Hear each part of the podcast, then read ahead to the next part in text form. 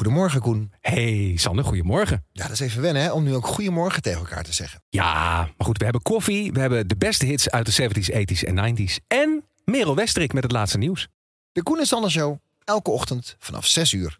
Bij Joe. Good times, great music. Dit is Joe. Dit is Elke Dag, een podcast van de Volkskrant. Mijn naam is Esma Linneman. Over precies twee weken loopt het prijsplafond voor gas en elektriciteit af.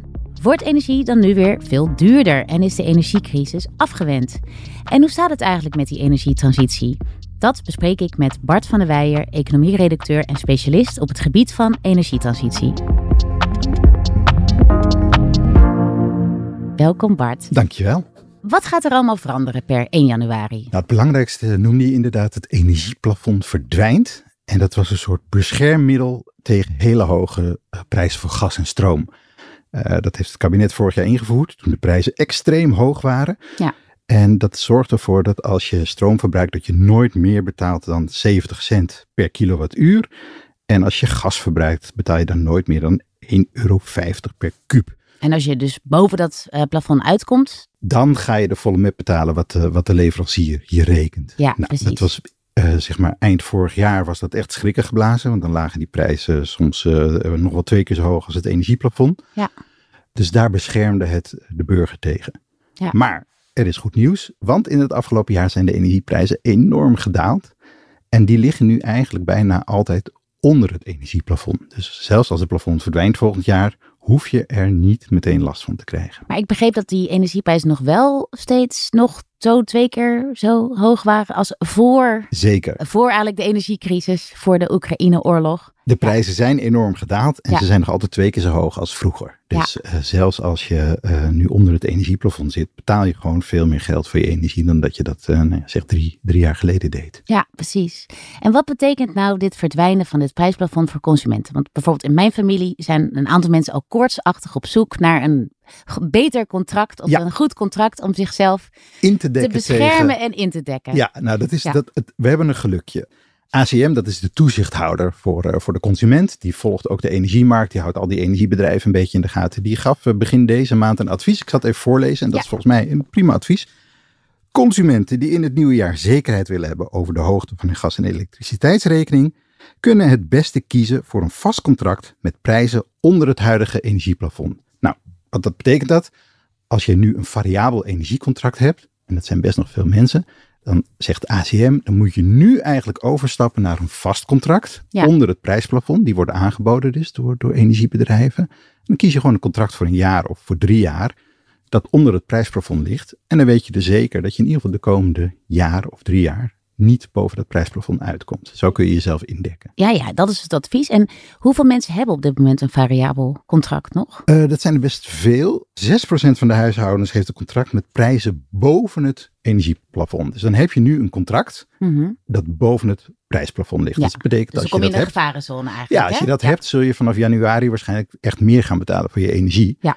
Dus voor die mensen loont het heel erg om over te stappen. Ja, en er zijn Ja. toch nog een half miljoen huishoudens. Dus dat is best een grote categorie. Die moeten echt even nu gaan opletten en, eh, en gaan switchen. Ja, dus als jouw precies. familie daartoe behoort, even dan- naar de prijsvergelijking. En dan heb je het over 1, 2, 3 jaar. Kun je daar nog iets over zeggen? Nou, het, het, het, de meeste mensen, eh, tenminste dat zegt eh prijsvergelijker Independer, eh 95% van de mensen die nu switcht, die kiest voor een vast contract voor een jaar. Ja. En waarom Eh, doen ze dat dan? Nou, dat is een beetje, ook eens een beetje gokken is dat. Dan denk je, nou oké, ik weet nu voor een jaar kan ik niet geraakt worden dat als, als Rusland weer iets geks doet of het loopt uit de hand en de prijzen gaan weer enorm omhoog. Dus ik zit veilig.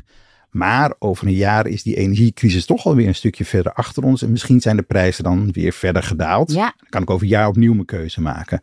Heb je pech en het is over een jaar ellende en de prijzen zijn heel hoog. Ja, dan ben je het jaakje. Uh, maar als het niet zo is, kijk je over een jaar opnieuw en dan zijn de prijzen waarschijnlijk weer wat lager. Dus zo kun je jezelf met vaste contracten toch zekerheid bieden en, de, en, en weten waar je aan toe bent. Dat Ja, is eigenlijk wat de meeste mensen willen. En er zijn er misschien ook nog wat daredevils out there. die gewoon eh Variabel blijven. op, eh, op lagere energieprijzen. Ja. Ja. Dus je kan kiezen als je nu variabel hebt. En variabel contract, dat is ook wel weer, wat is precies een variabel contract? Ja. Vroeger, en dan heb ik het over drie jaar geleden, eh, was een variabel contract dat één keer per jaar aangepast of één keer per half jaar. Dus dan, dat klinkt variabel, maar dat is eigenlijk hartstikke vast. Maar nu is het één keer per maand, geloof ik, Nu toch? is het Ja. bijna altijd één keer per maand. Ja. En dat betekent dat als dus overmorgen ergens een gasleiding ontploft, eh, eh, dat de prijs dan stijgt. En dat merk je dan meteen een maand later in je, in je, in je energierekening. Die gaat gewoon omhoog. Dat is variabel. Maar je kan erop gokken eh, dat de prijzen verder zullen dalen. En dan profiteer je dus volgende maand van lagere prijzen. En die energieprijzen die dus nu zijn, eh, die een stuk lager zijn, waar komt dat door eigenlijk? Waarom Mm. zitten we nu met Ja. lagere prijzen? En vooral ook nu in de winter, want dat is eigenlijk best opvallend. Ja, toch? dat is heel gek. Eigenlijk wat je altijd ziet, en is weer onder normale omstandigheden, en die zijn het eigenlijk nog steeds niet. Normaal gesproken stijgen de prijzen van gas in de winter. En dat komt Ja. gewoon omdat er meer gas wordt verbruikt. Meer vraag. Ja. Ja. En wat daar nu nog eens bij komt, is dat er minder aanvoer is. Want bijna al het gas uit Rusland eh, komt niet meer naar, eh, naar Europa of naar Nederland toe. En dat was heel veel. Wij haalden heel veel gas. Ongeveer de helft van het gas kwam vroeger uit Rusland. Dat is er niet meer. Nou, al dat gas komt nu een beetje meer krijgen we uit Noorwegen. En het grote merendeel komt in, per schip in vloeibare vorm eh, in de haven van Rotterdam en in de Eemshaven eigenlijk Europa binnen. Ja. Ehm, nou, dat gas was in de zomer is dat super goedkoop, want niemand heeft gas nodig. Dus dan kan je eh, heel goedkoop gas kopen. Dat doen we dus ook. En daar hebben we hele grote voorraden voor. Dus in de zomer vullen we de voorraadkast met gas, dat goedkoop is. En dat gebruik je in de winter. Nou, dat is handig, eh, want dan demp je de prijs een beetje. Maar in de winter zijn prijzen eigenlijk altijd hoog. Deze winter zijn de prijzen eigenlijk veel lager dan verwacht. ja. En hoe komt dat? Nou, dat heeft een paar grappige dingen. Namelijk het weer. Eh, het is tot nu toe een zachte winter. Ja. De voorraden zitten barstensvol nog steeds. Er is eigenlijk 100% zekerheid dat we deze winter gewoon door gaan komen zonder gastekorten. En Dat brengt een soort rust in de markt. Niemand is nu bang dat we weer prijzen gaan krijgen, hè, zoals een jaar geleden, die echt door het dak gaan. Ja. Dus deze winter zitten we goed. Nou, dat brengt rust en dat brengt ook lagere prijzen met zich mee. Nou, ik zei, die gasvoorraden zitten lekker vol. En één gek ding, wat ook ons helpt, is het Panama-kanaal. Ja, dat las ik. Ja. Vertel, hoe zit dat? Ik weet niet hoe groot het effect is. Eh, eh, iemand vertelde het me. Dat Panama-kanaal, dat, dat, dat- daar is droogte. Eh, het waterstand is daar laag. Er kunnen minder schepen door. En de schepen die er doorgaan, die mogen minder lading meenemen. Anders lopen ze vast aan de grond.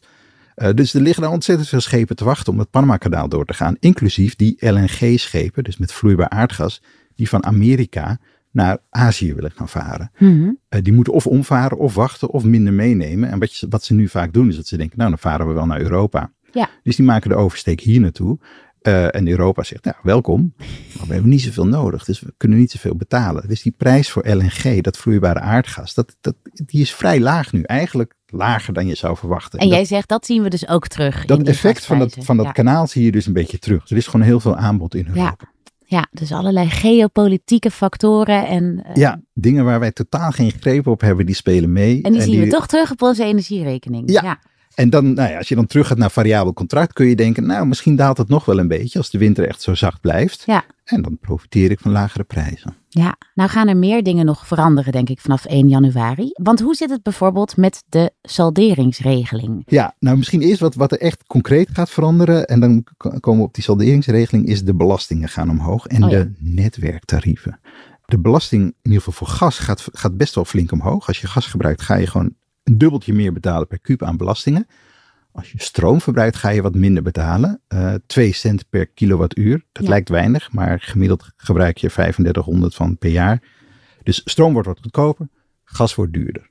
Eh, dat is vanaf 1 januari. Dat is ook wel iets om in de gaten te houden. Als jij heel veel gas verbruikt, zou je dus kunnen denken: moet ik misschien proberen om minder gas te verbruiken? Ja. Nou, dat kan met een warmtepomp bijvoorbeeld. En naast dat de belastingen dus gaan stijgen, eh, heb je ook nog de salderingsregeling. En die gaat mogelijk verdwijnen. Ja, wat is de salderingsregeling ook alweer? En Ja. op welke manier staat die onder druk? De salderingsregeling is voor mensen met zonnepanelen. Ja. Dat is een regeling die is een hele tijd geleden bedacht. En wat die eigenlijk zegt is de stroom die jij opwekt met je zonnepanelen, die mag je aftrekken van de stroom die je de rest van het jaar gebruikt. Ja. Dat is een hele gunstige regeling. En die is gunstig gemaakt zodat je je zonnepanelen kan terugverdienen. Dat kost een paar duizend euro als je dat wil. En deze regeling hielp mensen om, om die investering te doen. Ja. En om eh, dus dat gingen overstappen en zonnepanelen kochten. Nou, dat is heel succesvol. Heel veel Nederlanders hebben inmiddels eh, zonnepanelen op hun dak liggen. Als ze tenminste een huis hebben met een dak. Ja, dat moet je wel hebben dan. Ja. Maar die regeling staat onder druk. Eigenlijk al heel lang is afgesproken dat vanaf 2025 dat die langzaam afgebouwd wordt. Dus je, krijgt, je kan steeds minder salderen, eh, waardoor het voordeel een beetje verdwijnt. En dat salderen, dat is dus de, de, de elektriciteit die je opwekt met die zonnepanelen. Die stroom mag je aftrekken van energie die je gebruikt in de winter. Zeg ik dat goed? Dit zeg je helemaal Ja. goed. En waarom En dat is dat is- nou gunstig? Ja, Nou ja, waar we het net al even over hadden. Energie is in de winter duurder dan in de zomer. Ja. Sterker nog, met zonne-energie is in de zomer vaak de stroom gratis of zelfs negatief. Dus dan krijg je geld toe als je stroom verbruikt, maar moet je betalen als je het op het net zet. Maar wat dit betekent is dus dat heel veel Nederlanders in de zomer heel veel gratis stroom aan het net leveren. En in de winter heel veel dure stroom van het stroomnet afhalen. ja. En dat is gunstig natuurlijk voor de gebruiker. Maar de energiebedrijven, die verliezen daar gewoon op. Die Ja. moeten betalen. Nou, iemand moet dat betalen natuurlijk. En dat zijn al die mensen in feite zonder zonnepanelen. Die betalen eigenlijk het verschil tussen eh, nou ja, waar, waar mensen met zonnepanelen van profiteren. Ja. En dat is eigenlijk een beetje oneerlijk. En daarom is het misschien wel een goed idee dat die regeling verdwijnt. Maar gaat die verdwijnen? Dat is een beetje de vraag. Het kabinet wil dat die weggaat, maar het mogelijk nieuwe kabinet, in ieder geval is nu meerderheid in de Tweede Kamer, die wil dat die blijft. En Ja. dat de salderingsregeling langer blijft bestaan. En dat, ja, zou je kunnen zeggen, dat is gunstig voor mensen met zonnepanelen. Eh, maar al die mensen die ze niet hebben, die blijven dan dus langer extra betalen. En Ja. dat is een beetje oneerlijk eigenlijk. Bovendien, eh, als je nu zonnepanelen koopt, eh, heb je ze zelfs zonder die salderingsregeling in zes jaar terugverdiend. Ja, dus die salderingsregeling is ook gewoon niet meer nodig eigenlijk. Nee, Voor, ja. nee. Je kan het, eh, zonnepanelen zijn nu extreem goedkoop. Dus als je nu zonnepanelen koopt, dan heb je ze ook binnen een paar maanden op je dak liggen. Want bijna niemand doet dat nu vanwege de onzekerheid rond die salderingsregeling. Maar zelfs als je het nu gewoon doet, heb je ze over zes of zeven jaar terugverdiend. Dus ik hoor jou eigenlijk zeggen, doe het. Nou ja, ik mag, eh, ik mag natuurlijk mijn, mijn kan, voorkeuren ja. niet laten. Maar eigenlijk zou het eerlijker zijn om die salderingsregeling gewoon af te schaffen. Ja, ja. En het is alsnog heel gunstig om eh, wel zonnepanelen aan te schaffen. ja. Ook zonder die regeling, Ja. hè? Ja. En hoe zit het met warmtepompen? Warmtepompen is iets ingewikkelder, maar dat is vooral omdat ze, omdat ze gewoon heel erg duur zijn nog steeds om te kopen. Ja, want daar hebben we het dan ongeveer over. Nou ja, dan ben je echt 10.000 euro of meer kwijt voor een echte goede warmtepomp. Ja. En dan moet je ook nog een huis hebben dat genoeg geïsoleerd is dat, dat, dat eh, al die warmte goed binnen kan houden. Maar dan heb je nog een variant, dat is de hybride warmtepomp. Dat is een beetje de Toyota Prius onder de warmtepompen. Die is wat goedkoper en die draait de meeste tijd gewoon op elektriciteit. Behalve als het heel koud is, dan springt je cv-ketel een tijdje bij. En dan ga je dus nog wel wat gas verbruiken. Maar je bespaart enorm op je gasverbruik en daarmee dus ook op je gasrekening. Ja. En daarmee dus op die hogere belasting die volgend jaar komt, die, daar ga je dan minder last van hebben. En ik begreep dat de, die hybride warmtepomp weer gunstig is voor huishoudens of nou ja, voor huizen die iets minder goed geïsoleerd ook zijn, toch? Ja, dat Ja. klopt ook. Ja. Als, eh, als het dan heel koud is, kan je met je cv-ketel toch je huis gewoon warm krijgen. Wat op zich ook prettig is. En nog even over die energieleveranciers. Zie je nu dat heel veel mensen aan het overstappen zijn? Is er een soort koorts gaande? Eh, nou, ik heb dat gevraagd aan Independent. En je ziet inderdaad wel dat er meer mensen de laatste tijd aan het overstappen zijn. En wat zij ook zien is dus dat 95% van de mensen die dat bij hun doet. Eh, de Independent is een prijsvergelijker. 95% van de mensen die dat doet, die, die gaat dus naar een vast contract voor een jaar. Ja. En dat gebeurt nu vrij veel. Dus mensen hebben wel in de gaten dat er iets aan het veranderen is. En dat dat prijsplafond verdwijnt. eh, en dat ze dus iets moeten doen. Ja. Die hogere belastingen waar jij het net al over had op gas, die, die worden natuurlijk ingevoerd in het kader van de energietransitie. Ehm, Nu zitten we inmiddels in een heel andere politieke werkelijkheid. Komt die energietransitie nu in gevaar, denk jij? Ja, nou, ik denk het eigenlijk niet. Misschien dat die iets minder enthousiast zal worden beleden. eh, want een aantal partijen wil bijvoorbeeld het klimaatfonds van 35 miljard gebruiken voor andere dingen. Ja, als je dat geld dus ergens anders aan gaat besteden, dan is dat niet gunstig voor de energietransitie. Ja. Aan de andere kant in het, nou, ik weet niet of je al van het beoogde kabinet kunt spreken, maar eh, de andere partijen die daarin zitten, die zeggen eigenlijk van ja, we, we moeten die energietransitie wel gewoon blijven doen. Eh, de enige die daar wat minder enthousiast over is, is toch de PVV. Die zegt laten we de dijken verhogen en eh, vooral kerncentrales neerzetten. Ja. Maar de andere partijen zeggen toch ja, we moeten gewoon die transitie doorzetten. En met die andere partij bedoel je dus bijvoorbeeld ook BBB? Eh, NSC? Ja, BBB is, ja. is, ook, is ook niet heel erg enthousiast. Die ziet ook wat meer in kerncentrales. Maar als je kijkt naar NSC en VVD bijvoorbeeld, die zijn gewoon, die zijn gewoon voor de energietransitie. Ja, ja, dus jij ziet die niet volledig in gevaar komen doordat we nu een... Nee, het zal niet zijn dat we, dat we de gaan kolencentrales gaan, opstarten en, eh, en eh, met zwarte rookpluimen de rest van onze energievoorziening gaan doen. Dat gaat niet gebeuren. En verwacht jij grote nieuwe plannen? Stel dat het nieuwe kabinet er komt. Bijvoorbeeld op het gebied van kerncentrales? Ja, nou, die, de, het, het vorige of het huidige demissionaire kabinet heeft al plannen gemaakt. Eh, wat, we, wat we gaan doen als die plannen worden uitgevoerd, is we gaan ongeveer de hele Noordzee vol, volbouwen met windturbines. Echt gigantisch veel wordt dat. En we gaan twee kerncentrales bijbouwen in Nederland. Twee grote. We hebben nu een kleintje, Borselen. Eh, het idee is om daar echt twee forse jongens naast te gaan zetten. En waar, Ook- waar komen die te ook staan? in Borselen is het idee, Ja. maar dat is nog niet helemaal zeker. Ze zouden ook nog bijvoorbeeld op de Maasvlakte kunnen komen. En misschien zelfs nog op een andere plek. Maar de, eigenlijk zijn de Maasvlakte of Borselen is dan, is dan ongeveer de aangewezen plek. En wat is het idee achter de bouw van deze kerncentrales? Wat is het beoogde doel? Kerncentrales hebben één groot voordeel. Dat is dat ze het altijd doen. Ze staan altijd aan. En dat betekent dat je altijd stroom hebt. Ook als het niet waait en als de zon niet schijnt. Ja. Nou ja, dat is dus eh, vaak s'nachts zo. Maar ook in de winter is dat soms periode dat het een week lang niet waait. En dat het ook bevolkt is. Ja, dan is het lekker als je kerncentrales hebt. Want die staan gewoon lekker dan stroom te leveren. Ja, maar het nadeel is natuurlijk dat ze heel, veel, heel duur zijn eigenlijk, dat is het. toch? Het is ja. ontzettend dure stroom. Ja. eh, omdat je het meeste deel van het jaar kan je gewoon goedkope wind en zon gebruiken. Eh, dus de momenten, en dan zijn die kerncentrales dus ook niet nodig. Dus ze zijn en weinig nodig. En het zijn natuurlijk vrij dure installaties om te bouwen. Dat kost echt eh, nou ja, 10, 10 tot 12 tot 15 miljard.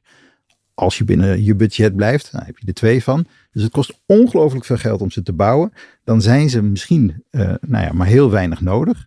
En dat is natuurlijk de, de, de, de, de kwestie die, die eh, nou ja, ze noemen ze maar even tegenstanders ook noemen. Eh, moet je zoveel geld uitgeven, eh, kan je het niet op een andere manier oplossen. En daarbij komt natuurlijk ook dat er ook nog last, dat er ook nog sprake is van kernafval, waar Ja. we nog niet een goede oplossing voor hebben. Nou, dat is, Ja. ook, zeker een, eh, dat is ook zeker een probleem dat genoemd wordt. Ja. Hoe doet Nederland het qua energietransitie nou internationaal gezien op dit moment? Nou, Esma, als je deze, deze vraag vijf jaar geleden had gesteld, dan had ik gezegd, we zijn echt het sukkeltje van de klas.